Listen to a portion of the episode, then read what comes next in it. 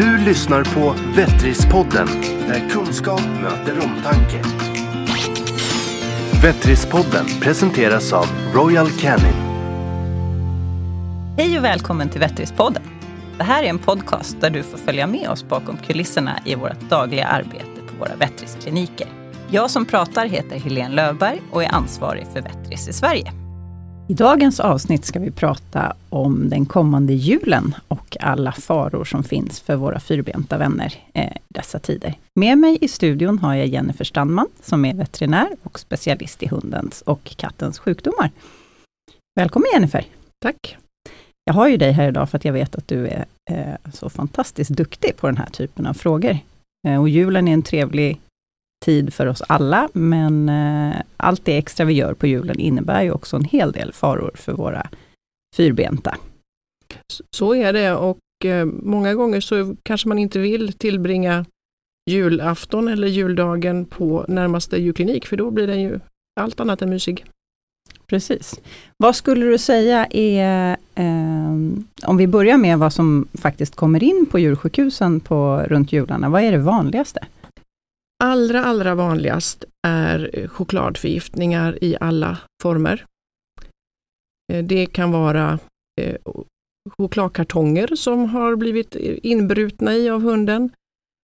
Det börjar ju ofta redan i början på december när man börjar få lite förskottspresenter och ta ut julen i förskott. Sådär. Men också när man bakar och gör sina julförberedelser så är det ju ganska mycket choklad inblandat där också. Mm. Eh, och då vet ju jag på rak arm att eh, all choklad är ju inte lika farligt. Eh, jag tänker man ska undvika choklad till sina djur eh, i alla dess former, men eh, hur, hur fungerar det där? Det som, det som är farligt är ju teobrominet som finns i chokladen. Och teobromin finns i kakao och ju mörkare kakao desto mer teobromin.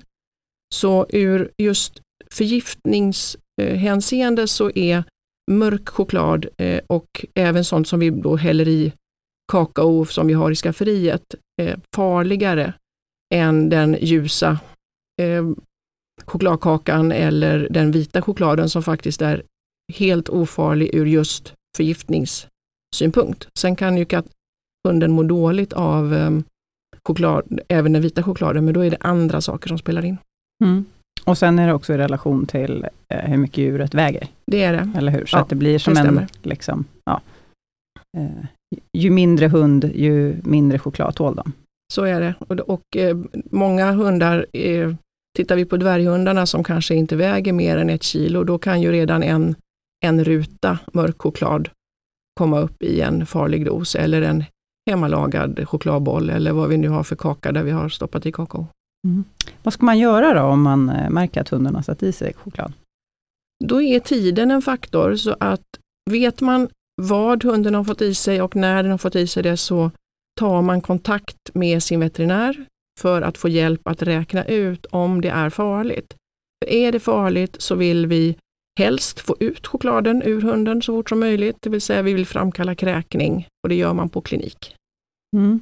Eh, när du säger just det där, så jag satt faktiskt precis och tänkte på det här med att framkalla kräkning. Det är ju någonting som eh, många tror att man kan göra hemma också, med lite olika knep. Eh, senap vet jag, salt är det eh, vissa som säger också, men det finns ju faror med det med. Ja, det gör det. Senap är kanske inte jätteeffektivt, men det är inte farligt att prova.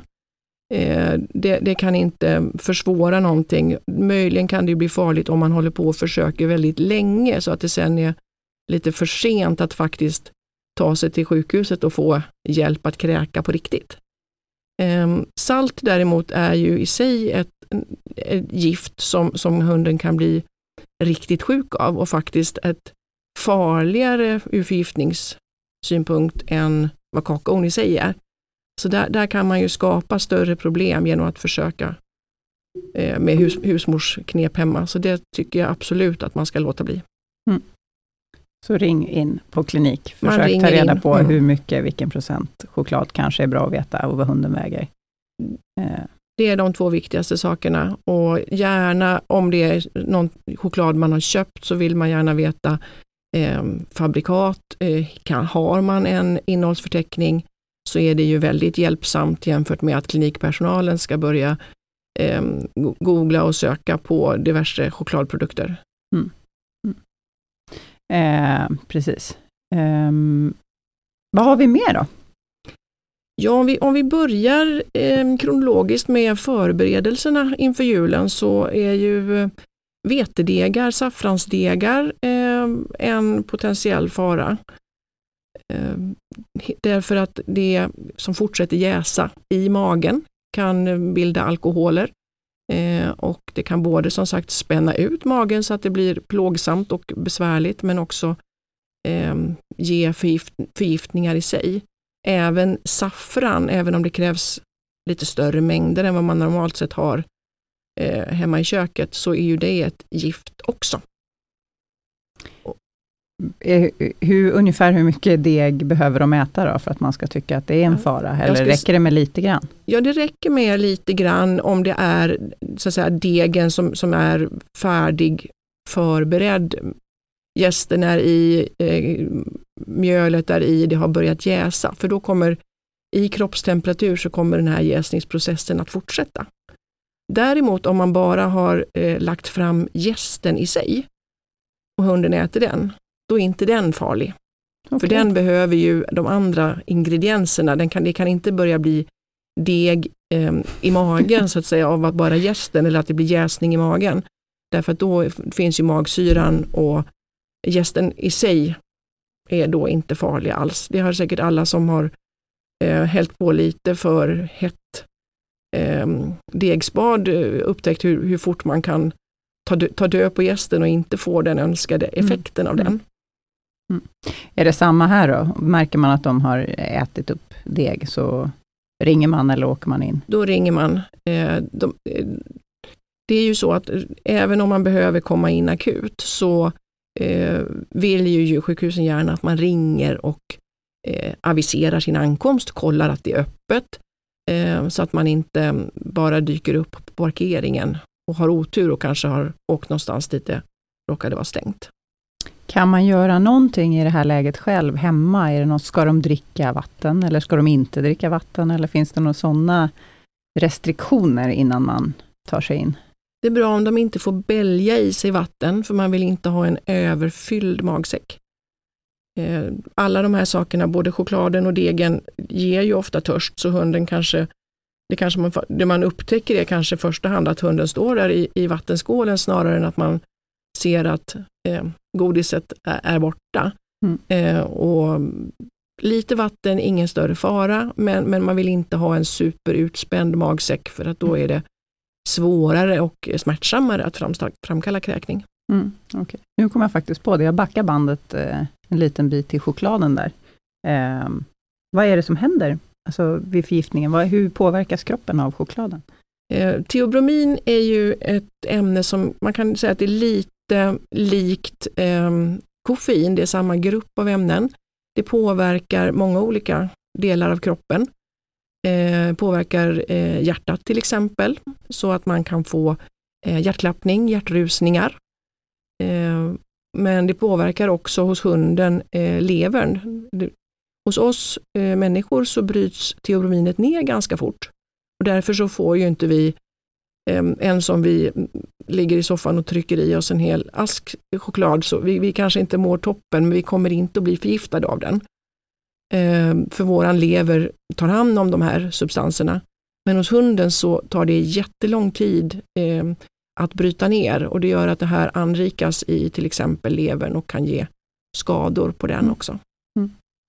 Eh, och gästen, eh, mer än en överfylld magsäck, som kan påverka, har den också effekt på organ på, på sitt sätt? Eh, genom att, att det blir en jäsning och eh, alkoholer så, så kan det ju få eh, en liten påverkan, men där är det framförallt eh, en kortsiktig farligt. Det, det ger inga långsiktiga organskador eller så.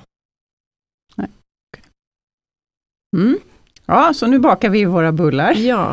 och, och vad gör vi sen? Ja, sen så dekorerar vi eh, våran eh, lussebulle med russin och då, då dyker nästa fara upp mm. eh, genast. Eh, russin och eh, det som russinen ju är, vindruvor, eh, är också farliga för hund. Vindruvor är ju något som vi kanske har året runt. Men russin dyker ju upp lite extra mycket framåt jul, både i glöggen och eh, som sagt i bak och annat. Eh, och Det är lite spännande för att det är ingen som riktigt vet varför det här är farligt. Eh, så till skillnad från chokladen där vi kan räkna baklänges, vi kan veta att den här hunden som väger 5 kilo har fått i sig x antal milligram teobromin, det är farligt eller det är ofarligt, så finns det inga sådana gränser alls med russin och vindruvor.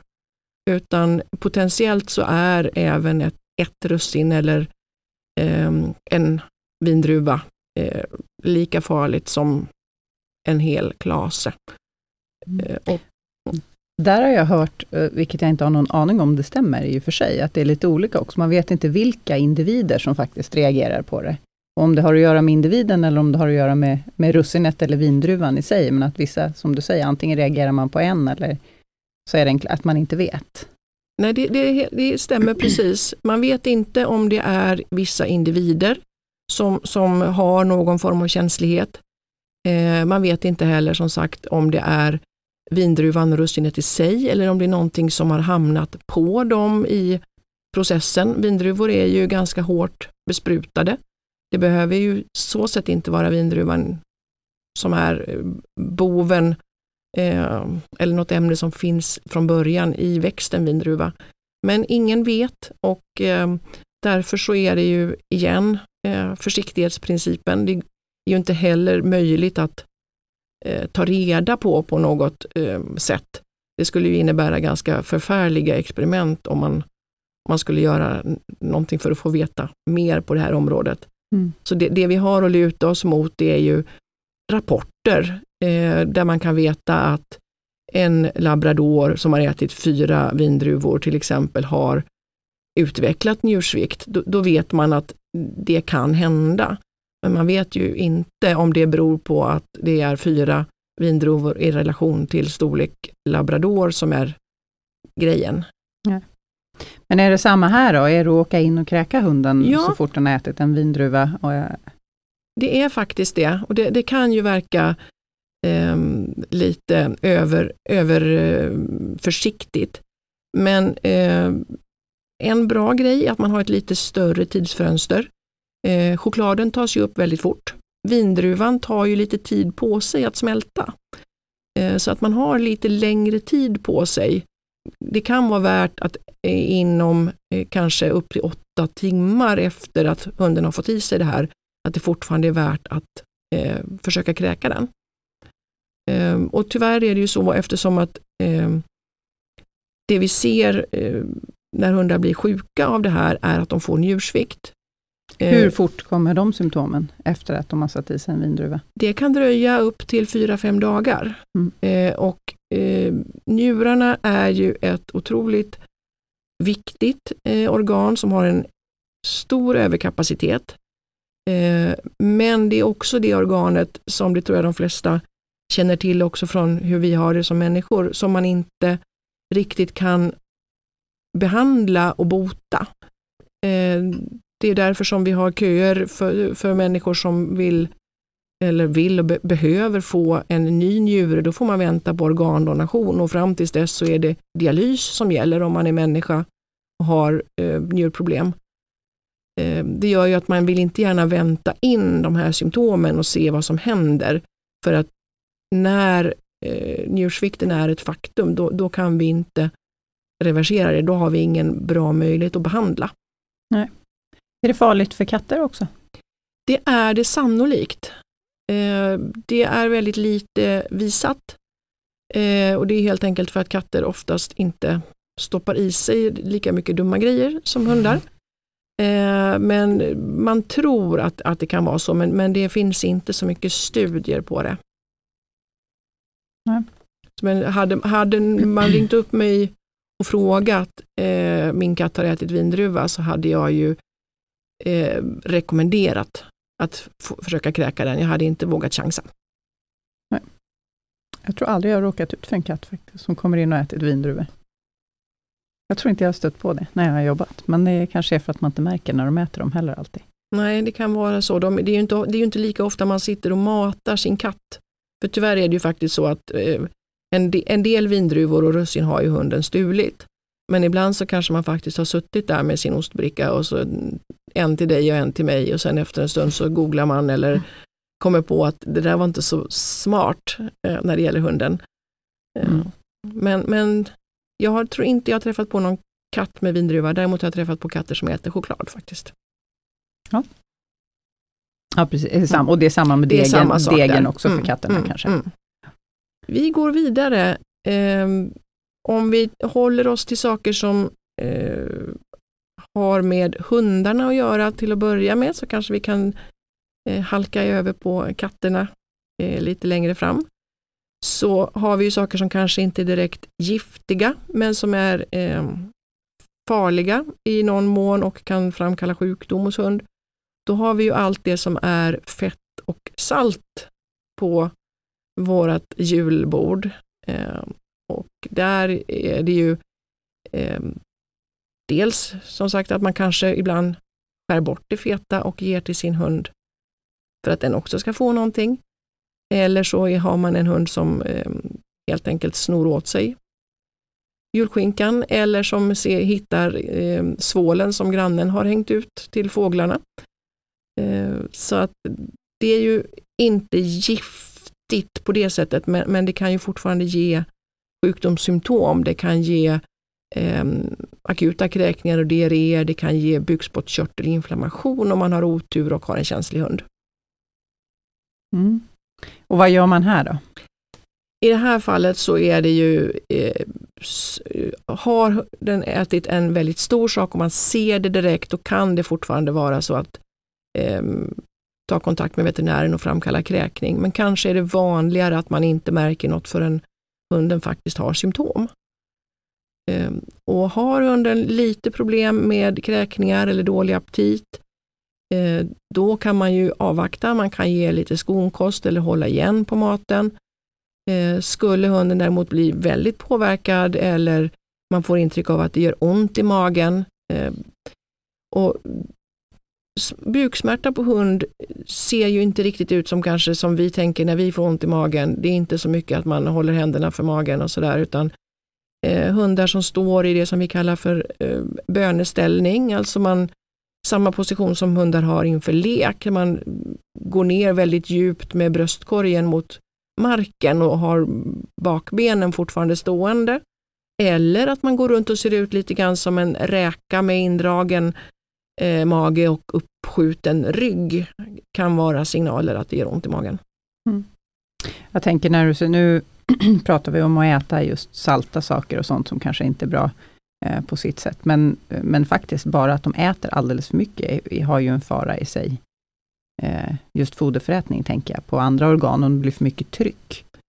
Eh, Ja, det stämmer. eller är jag Ja. ute och cyklar? Nej, det, det stämmer. Eh, allting i eh, stor mängd kan ju i sig eh, ge problem med att det blir mycket tryck, det blir svårt att smälta maten, man får en liten vätskebrist därför att man kan inte dricka mer och den maten drar då vätska från, från tarmen och in för, att, för att lyckas bryta ner det hela. Mm.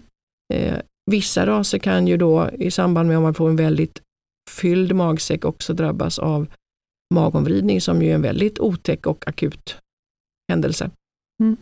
Ja, och då är det ju bara att åka i Ja. ilfart. Ringa på vägen. Så är det. Vad har vi mer som vi gör på jularna? Vad gör vi mer på julen som är farligt? Vi eh, kanske har saker framme som eh, inte är så bra för våra husdjur. Eh, dels så har vi det som faktiskt är både farligt för oss och våra husdjur, eh, det vill säga lite obevakade levande ljus. Eh, och här kanske katten är mer i riskzonen än vad hunden är. Eh, så bor man med katt så är det ju bra att tänka sig för var man placerar ljus och också var, eh, när man till exempel då har en mysig brasa, att det är lite avskilt så att inte katten kan traska upp antingen när det brinner eller när det är väldigt hett.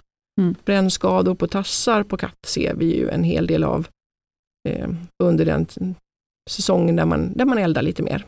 Hur har vi det med växtlighet? Det finns ju också mycket spännande och då är vi ju framförallt på katt, kattsidan. Eh, nästan alla våra julblommor skulle jag väl våga säga eh, är potentiellt farliga för katt. Eh, julstjärna mycket giftig, eh, de flesta liljor eh, giftiga, eh, idegran absolut giftig för alla djurslag eh, om man plockar in det. Järnek, nu kanske inte katter är tuggar i första hand på järnek, men det är inte heller någon eh, trevlig blomma ur den. Hyacinter och alla lökväxter. Eh, och där är ju som sagt framför allt katter, men ehm, har man en yngre hund eller har man en, lite, en valp så är, kan ju att riva och slita i de här växterna och då råka plocka i sig också vara en potentiell fara. Så att man tänker på att eh, fly, man kan, kan, ju naturligtvis ha de här hemma om man tycker att det är viktigt, men att man då placerar dem så att de är otillgängliga. Det gäller ju också eh, om man nu har en valp, att man placerar dem där direkt. Eh, att man inte kommer hem och så ställer man kassen från eh, blomsteraffären med alla eh, eh, de fina små lökväxterna innanför dörren och lämnar den där i några timmar med sin valp. För då kan det vara så att den har hunnit utforska de här hyacint och amaryllislökarna. Eh, och det är ju eh, som sagt stor risk förknippat med det. Precis som med alla lökar, det var vi faktiskt inte inne på när vi pratade om våran julmat. Eh, men lök eh, som ingrediens är ju också eh, giftigt. Och det är oavsett som sagt om det ska växa en blomma i jorden eller om det är matlagningslök. Ja precis, och all typ av lök. Ja, all eller typ av lök. Är det någon lök som är farligare än någon annan? Alltså, eller, snä, eller snällare kanske man ska säga. Man kan ju säga att ju mer koncentrerat eh, så behövs det mindre, precis som med chokladen, eh, det behövs mindre mängd vitlök till exempel än vad det behövs eh, mängd av en eh, saftig gul lök för att det ska bli farligt. Och där finns det också en viss relation till kroppsvikt. Mm. Jag tänkte på blommorna där och katter. Då är, visst är det väl främst så att om en katt har tuggat på en, en växt, då brukar man se symptom på katterna? Eller hur? I form av salivering, kanske kräkningar. Eller gör man inte alltid det? Det gör man oftast. Eh, och eh, det är ju symptom som man kan se eh, även om katten har tuggat på en relativt eh, ofarlig växt helt enkelt därför att även om växten inte är giftig så kan den fortfarande vara lite retande för eh, munhålan eh, och ge lite grann av de här symptomen. Eh, de, den växterna som, inte, som, som, man kanske inte alltid ser symptom eller som vi brukar rekommendera eh, att man inte inväntar eventuella symptom eh, är ju liljeväxter där faktiskt re, redan pollenkontakt utvärtes eh, brukar man rekommendera att man får observation på djursjukhus. Eh, katter brukar ju som sagt kanske inte sätta i sig stora mängder av saker på det sättet som hundar gör. Men å andra sidan så eh, putsar de sin päls väldigt mycket så att saker behöver inte hamna direkt i munnen för att sedan hamna i katten och skapa problem. Mm. Ja, det är klart. Ett litet sidospår, men det hade lite med, jag tänkte på saker som man ställer fram eller så. Hur är det med fågelmat sånt där som man har ute mycket? De flesta fröer och talgbollar och så är ju väldigt energitäta och feta. Eh, och det eh, generellt eh, är ju inte så bra för magtarmkanalen. Så, så att det, det är ju eh, en potentiell eh, risk eh, om hunden sätter i sig det. Eh, katter brukar ju inte eh, plocka i sig saker riktigt på det sättet. Däremot så är fågelbordet en fara eh, både för katten, eh, om den får vara där, och naturligtvis för, för småfåglarna. Därför att eh, på våra fågelbord så kan det finnas eh, salmonellasmitta. Och salmonella är ju en bakteriesjukdom som drabbar alla djurslag, inklusive människa. Eh, men katter som eh, vid fågelbordet och eh, kanske också får, is, får tillgång till lite nedsatta fåglar som ju kanske söker eh, mat på fågelbordet, eh, ökar ju risken för salmonella. Det är kanske inte julens mm, stora problem utan det brukar dyka upp framåt vårvintern. Mm. Eh, så vi har ju lite säsongsvariation även på det. Mm. Hur är det med nätet kring talgbollarna? En hund tänker jag, om de springer och käkar upp en talgboll med nät. Nätet är, är ju oftast av plast och plasten i sig eh, brukar inte vara eh, farlig. Ibland kan det finnas metallklämmor på som kan innehålla zink och de kan faktiskt ge eh, förgiftningar. Men nätet har ju en viss risk eh, att fastna i mag-tarmkanalen. Eh, är det ett litet nät så kan det ju möjligen passera men precis som att det är fullt med talgbollen innan så kan det ju fyllas med annat maginnehåll och eh, orsaka ett stopp i tarmen. Ja, eh, om vi flyttar oss tillbaka in i julen nu då. Har vi missat någonting runt julen som faktiskt är farligt för våra fyrbenta som vi ska tänka på? Ja, eh, om vi går tillbaka lite framförallt till katterna. Så in, eh, katter gillar ju att leka med olika typer av snören. Eh, och då har vi ju dels det som vi hänger i granen, julgransglittret och annat eh, eh hängande pynt som kan betraktas som kattleksaker och eh, eh kan ätas upp. Eh, samma sak med presentsnören. Det kan ju katter tycka är väldigt roliga och också stoppa i sig. Ehm, och Det kan bli ett problem om den här snörstumpen eh, sen tar sig ut i eh, mag-tarmkanalen och fastnar någonstans i ena änden och tarmen träs upp på det här snöret. Ehm, så det är ju, ehm, jag tror inte det har gått någon jul på kliniken där jag inte har ehm, eh, sett glitter och presentsnören i retur ifrån kattmagar. Nej. I bästa fall som sagt så kan, så kan man få dem i retur genom att framkalla kräkning. Det är lite svårare eh, att framkalla kräkning medicinskt på katt och lite mer oförutsägbart vad som faktiskt kommer upp. Eh, och det har, det har väl hänt mig ett antal gånger att jag har också varit tvungen att eh, operera när det faktiskt har tagit sig ut i tarmen. Mm. Jag tänker när du pratar pynt och, och snören och julgran, då tänker jag också på, vi, i, i, år är det ju faktiskt eh, eh, ungefär 10 procent tror jag, om jag inte minns fel, fler valpar än vad normalt sett brukar finnas. Eh, det är många som har små valpar hemma eh, just nu. Jag tänker på alla julgranskulor och sånt som de kan tycka är roliga leksaker kanske, men som inte bör lekas med. Det, det, är ju alldeles sant. Eh, och när man då är första gångs eller eh, i alla fall kanske var länge sedan man hade en ung hund i sitt hus, så, så kanske man inte har tänkt igenom riktigt alla de här sakerna som, som kan se väldigt frestande ut i granen. Både garntomtar och kulor och annat som tyvärr lätt hamnar i mag-tarmkanalen. Eh, så det, det kan ju, saker kan ju både eh, fastna. Eh, och har man otur om saker är vassa så, så kan de ju också ställa till annan skada i, i mag-tarmkanalen. Mm. Ja, det är mycket. Vi får pynta halva, övre halvan av man får granarna. Pynta övre halvan och helst med eh, saker som då är eh, antingen tillräckligt små eller ätbara kanske redan från början. Man får, man får pynta med, med lite eh, snygga tuggben helt enkelt i granen. Och jag hoppas att det den som är djurägare inte kör med eh, levande ljus i granen för då, då är väl risk för eh, lite större förödelse. Mm. Eh, åtminstone har jag som barn i ett hem med hundar aldrig tillbringat en jul utan att eh, granen välte minst en gång.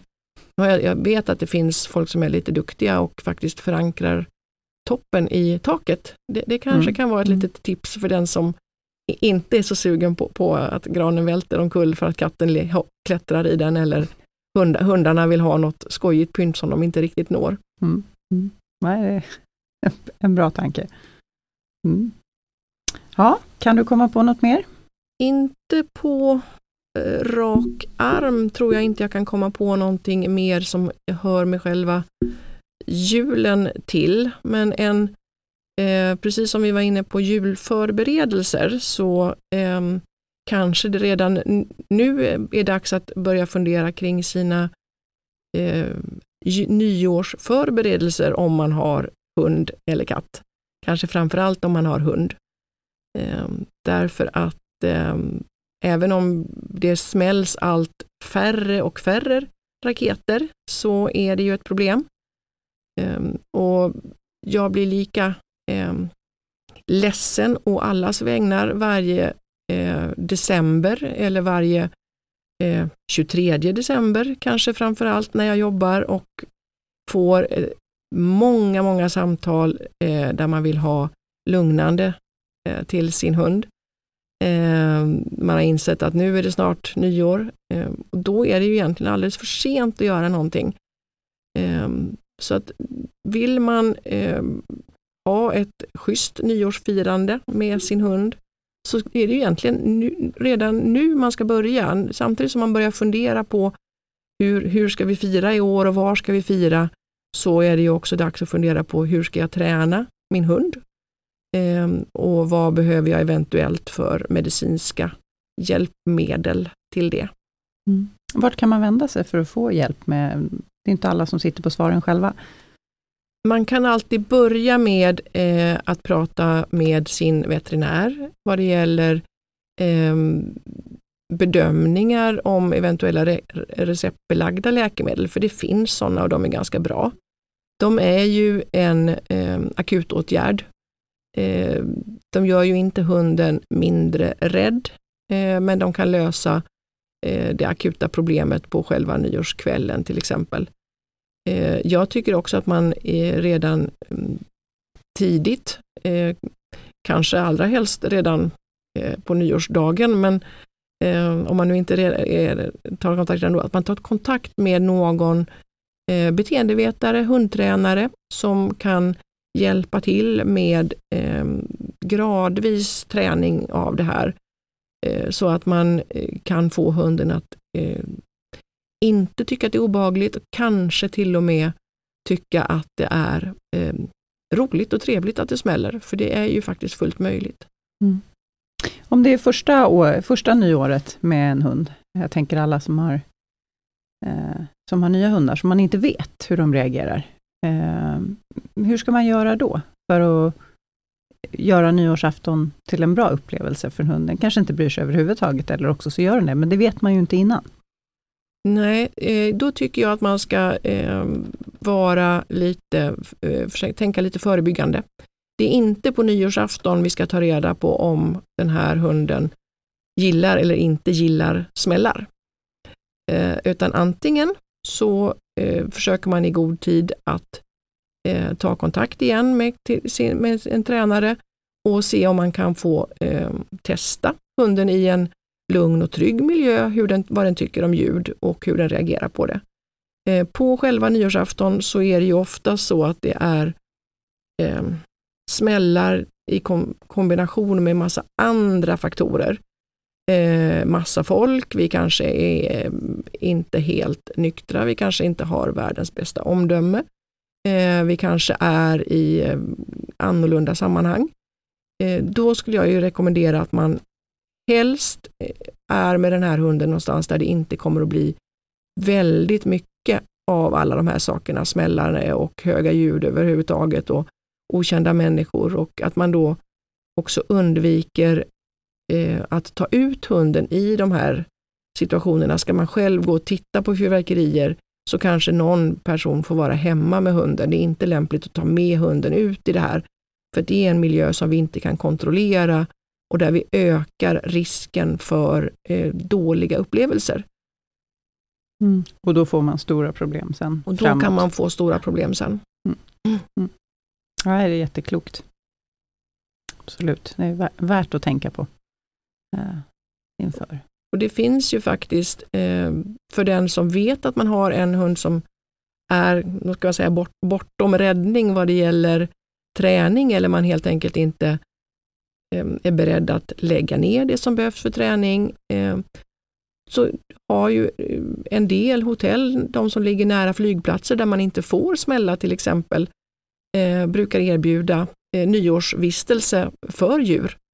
Eh, mm. Just med det fokuset att man ska slippa. Då kanske man ska överväga eh, den typen av eh, vistelse. Mm. Eller att mm. man har en stuga någonstans långt ute där det, där det inte kommer att kunna förekomma så mycket. Smällerier kan också vara ett alternativ. Mm. Ja, absolut. Så är det.